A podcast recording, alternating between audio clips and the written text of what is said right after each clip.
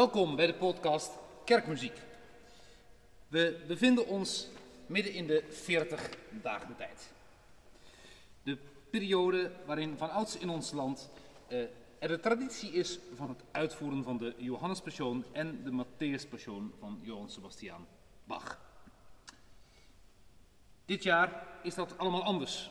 Vorig jaar was dat ook al het geval. Twee seizoenen op rij, geen live passiemuziek, of in de meeste gevallen geen live passiemuziek. U hoorde zojuist het monumentale openingskoor uit Bachs Matthäus Passion. Komt ihr Töchter, helft mir klagen, de dochteren van Sion. Dit beroemde openingskoor wordt gedomineerd door het continuo.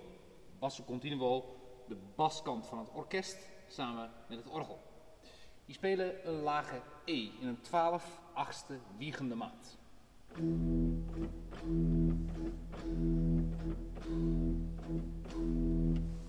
Zodoende brengt Bach een rouwstoet op gang. Daarboven spelen de andere strijkers en de blazers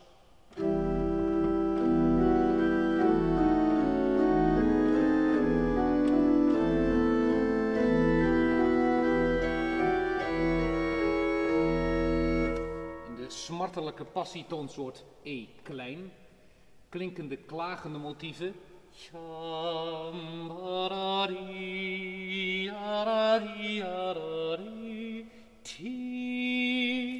Die je op een viool zo prachtig kunt uitbeelden, uitspelen door spanning te maken op de lange noten, dan te ontspannen en weer verder te gaan.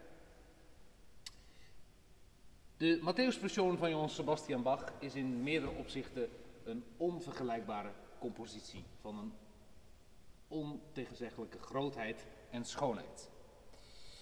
Indruk maakt altijd het dubbelkorige principe.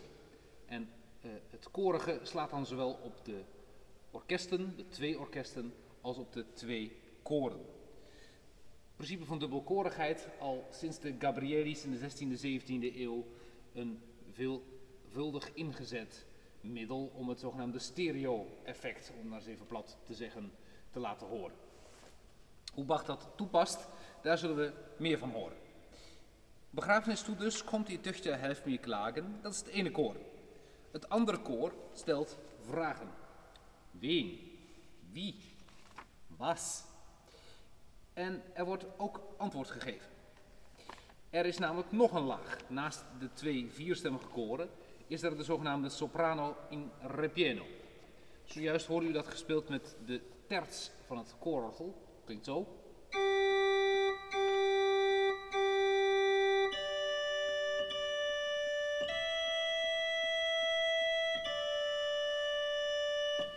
Deze repianisten ehm, zingen het, de oude koraaltekst O Lamm Gottes unschuldig, am Stamm des Kreuzes geschlachtet. Vaak gedaan in de huidige uitvoeringen door een jongenskoor of door een jongens- en meidenkoor, in ieder geval door jonge kinderen. We weten van de opstelling van Bach destijds dat de sopranen in de stonden bij het zwaluwnestorgel aan de andere kant van de kerk en werden meegespeeld door het rugwerk van dat orgel en dan op een door Bach voorgeschreven registratie, namelijk de sesquialter van het orgel, een zeer boventoonrijk apart geluid, vergelijkbaar met wat we zojuist hebben gehoord. Een zeer gelaagde compositie. Komt natuurlijk het beste tot zijn recht in de originele bezetting van de twee orkesten, de twee koren en soprano en piano, dus eigenlijk de drie koren. Dick Sanderman, organist, maakte hiervan een uh, orgelbewerking, waardoor er eigenlijk een koraalbewerking ontstaat over het Olam Gottes Unschuldig. Natuurlijk komen zaken als vraag en antwoord al gauw wat minder tot hun recht eh, als het uit één instrument komt dan dat je het van verschillende kanten fysiek hoort komen. Na het openingskoor, en dat overigens besluit met een zeer lang slotakkoord als wie ein lam, volgt het eerste recitatief. Da Jesus diese Rede vollendet hatte, sprach er zu seinen Jüngern. Diese Rede, dat slaat op de rede van de laatste dingen. Jezus vertelt onder uh, strijkersbegeleiding, ihr wisset, dass nach zwei Tagen Ostern wird und des Menschensohn wird überantwortet werden, dass ihr gekreuzigt werdet. En op dat woordje gekreuzigt eh, schildert Bach, eh, als hij is, schildert hij als het ware het kruis. Ook in de muziek is dat zichtbaar, een kruisvormpje. Als de evangelist eh, zingt, wordt hij begeleid door orgel en continuo. Als Jezus zingt, wordt hij begeleid door het volledige strijkorkest van orkest 1. Recitatief 2, gevolgd door het koraal. Het liefste Jezu, was hast du verbrochen? Recitatief, dus de lopende verhaallijn. En eh, het koraal als retrospectie op wat er zojuist is gebeurd. Da Jesus diese Rede vollendet hatte, sprach er zu seinen Jüngern. Ihr wisset, dass nach zwei Tagen Ostern wird und des Menschen Sohn wird überantwortet werden, dass ihr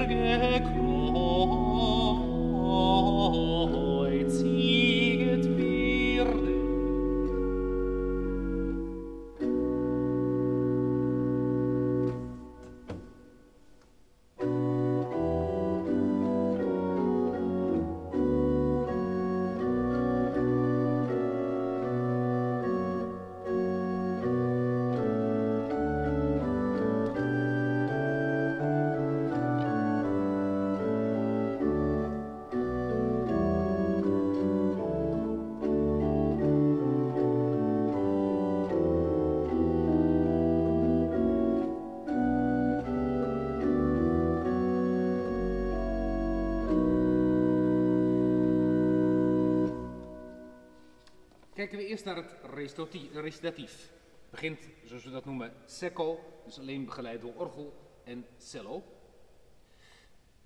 De evangelist wordt gezongen door een tenor. Die begint gelijk al met een grote sprong naar een hoge G, wat de aandacht trekt. Het woordje rede, toespraak, zien we eh, op snelle noten getoond zet, waardoor het een babbelend, sprekend karakter krijgt. Dat Jezus deze reden vollendet hatte, maar dan tegelijkertijd ook weer de urgentie, een grote sprong op vollendet hatte. En dan komt het, sprach er zu seinen en als een soort stralenkrans wordt dan de strijkersbegeleiding neergelegd. Klinkt zo, zonder de solist.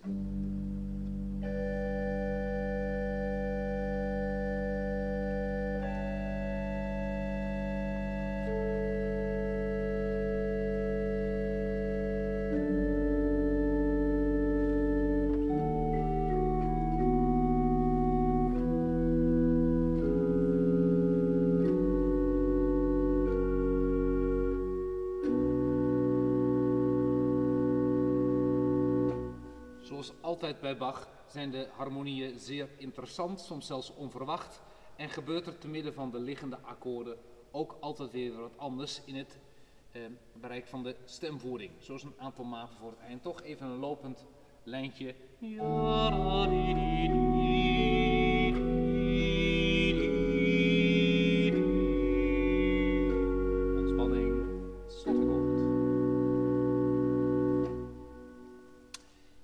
Een keer op de indrukwekkende toonzetting van Das ihr gekreuziget werde. Das ihr gekreuziget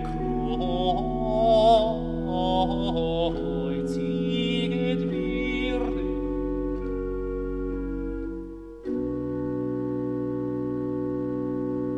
We zijn aangekomen in de toonsoort B klein, de bloedtoonsoort.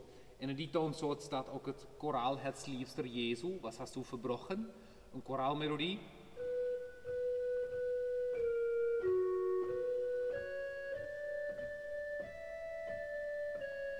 Die we zowel in de Matthäus als de Johannespassion veelvuldig tegenkomen, tezamen met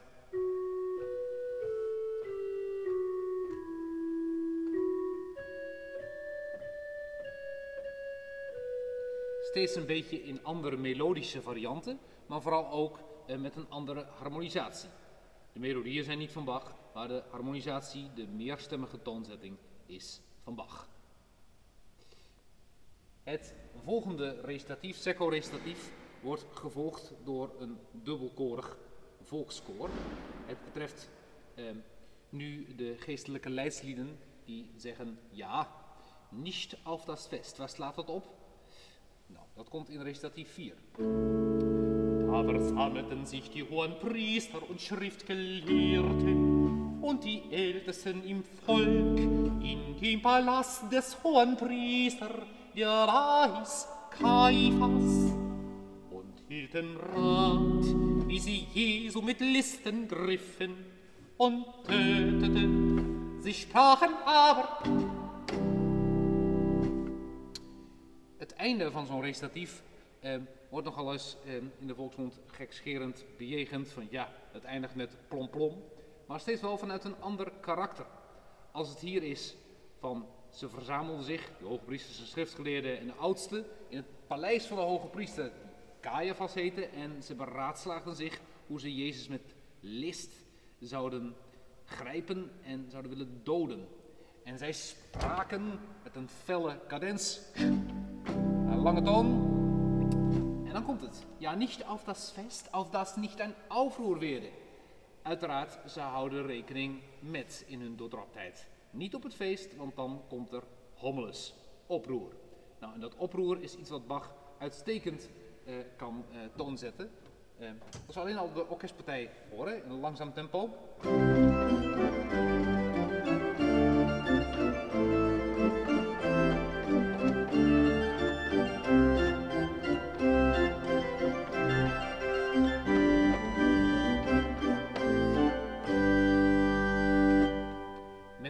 De twee koren. Koor 1 begint.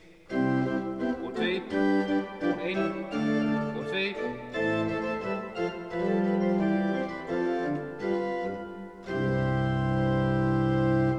Samen ontstaat er dan iets als.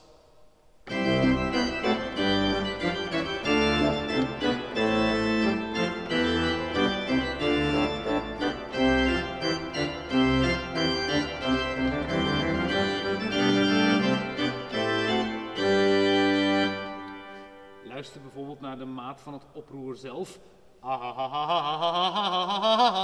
Aufruhr werde im Volk. Duidelijker kon Bach het niet maken. Dat was dus een dubbelkorig voorbeeld. Er zijn ook koordelen waar er slechts één koor zingt. Als het bijvoorbeeld gaat over de gebeurtenis te Betanië. Im Hause Simonis des Aussätzigen. Er verschijnt een vrouw op het toneel.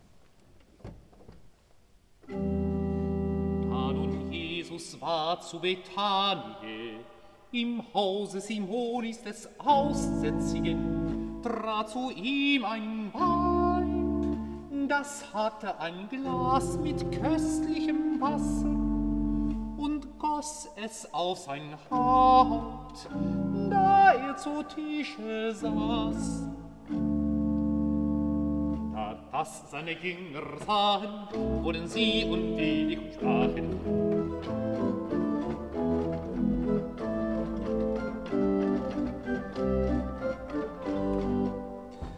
Koor 1 zingt de tekst, wozu dient dieser onraad? Wat is er gebeurd? De discipelen vinden dat eh, de zalf waarmee de vrouw Jezus zalft, toch beter op een andere manier had kunnen worden besteed, namelijk later blijkt voor de armen. Een soort schijnheiligheid. Wozu dient dieser onraad? Wozu? Wozu? Door, door de tekstherhaling en door de manier waarop Bach het toon zet, vaak ook eh, in toonhoogte en intensiteit van toonhoogte, komt dat extra hard aan. Dan komt de tekst, dieses Wasser hätte mögen teuer verkauft.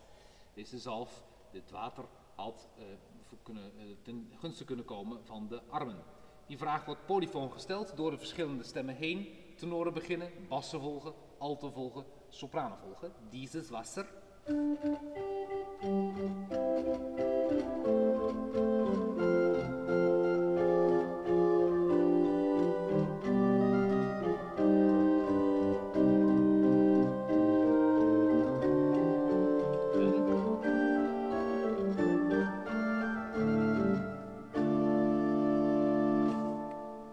Met de orkestbegeleiding erbij.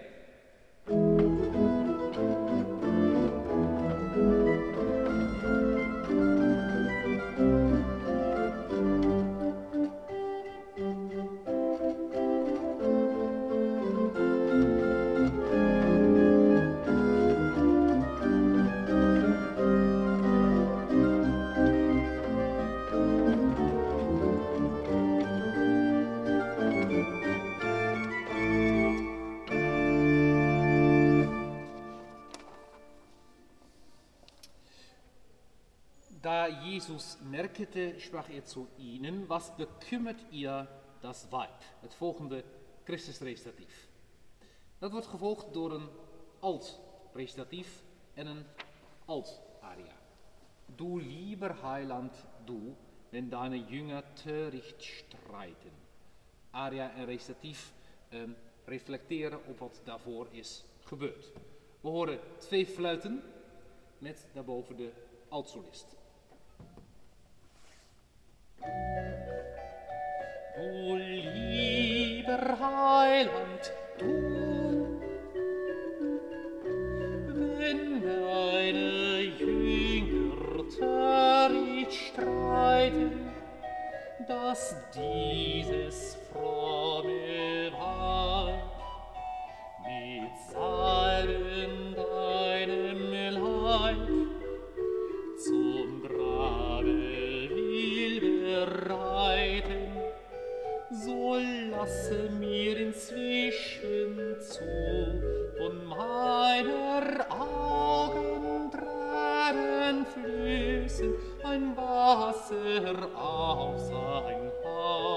zu gießen.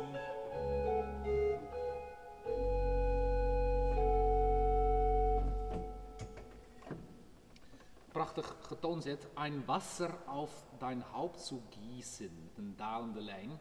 Ein Wasser auf dein Haupt zu gießen. Gaat over in de aria Boes und Reue. Boete en berouw. Twee fluiten, continuo.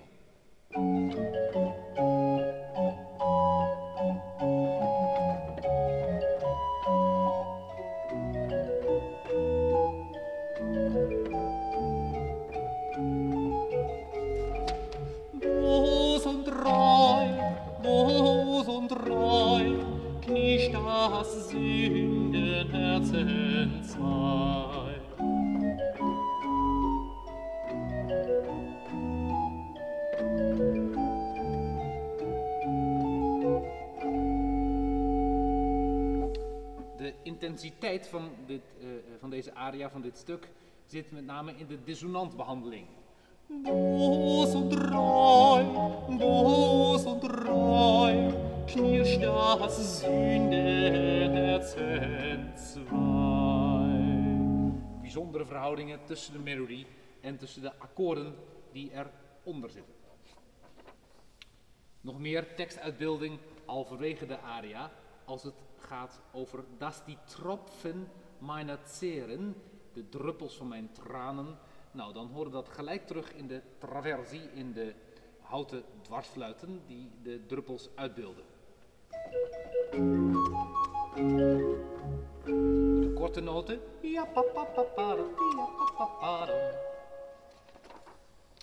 Nou is het natuurlijk zeer interessant om ook eens te kijken of deze aria's eh, alleen op orgel tot klinken gebracht zouden kunnen worden. Dick heeft dat gedaan met de aria die nu volgt. Dat is een sopraan aria. Blute nur. Du liebes Herz. Wordt wel verondersteld dat dat zou zijn een, eh, eh, iets wat in de mond genomen zou zijn door de moeder van Judas. En dat wordt met name eh, dan ingegeven door de tweede helft van de tekst. Ach, ein Kind, das du erzogen, das an deiner Brust gesogen, droht dem Pfleger zu ermorden, denn es ist zur Schlange worden. Bloedenoor, de sopraanaria, in een bewerking van Dick Sanderman.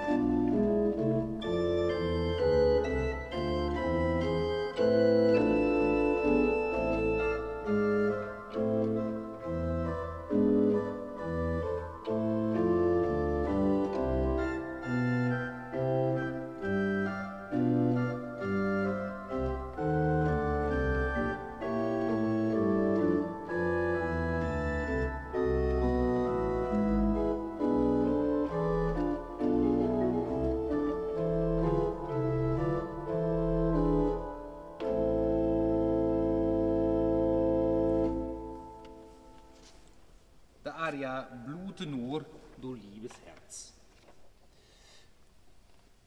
Essentieel dus bij het beluisteren van deze muziek is enig begrip van de muzikale uitdrukkingsmogelijkheden die Bach ter beschikking stonden. Het verband met name tussen tekst en muziek. Ook eh, daarnaast de context van deze muziek. Het is kerkmuziek. Matthäus Passion uitgevoerd op Goede Vrijdag in de dienst. Uiteraard is het geen voorstelling waar we naar zitten luisteren. Het is kerkmuziek, het is liturgie. Een andere fraaie sopraanaria. Ich will dir mein Herz schenken. Voor twee hobo's. Continuo met sopraan. Dit is een van de vrolijkste aria's uit het stuk. Bach heeft sowieso al een, een, buitengewoon, uh, uh, buitengewone taak uh, volbracht door de afwisseling in de Matthäus Passion optimaal te houden, door de structuur optimaal te houden. Het is echt een kunstwerk dat zijn weerga niet kent. Dus de vrolijke aria, ik wil dir mijn herzen schenken.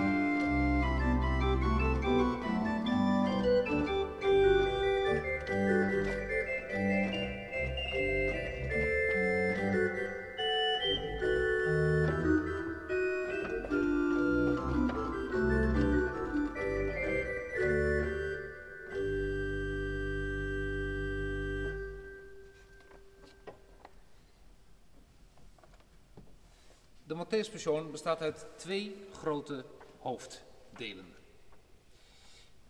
Het tweede, laatste deel eindigt met het slotkoor We zetten ons met tranen nieder. De discipelen op stille zaterdag zetten zich ter neer bij het graf. En er wordt gezongen, Ruhe sanfte sanfte Ruhe. Met het illustre slotakkoord waarbij de dissonant zo lang blijft hangen. Alsof deze nooit meer zou oplossen. Belangrijke stelfiguur in, uh, in dit koordeel is de Zeuster. Wir setzen uns, setzen uns. Bij het zuchten en het terneerzijgen extra wordt betoond. Orgelbewerking van het slotkoor uit de Matthäus Passion. Wir setzen uns die Tränen nieder.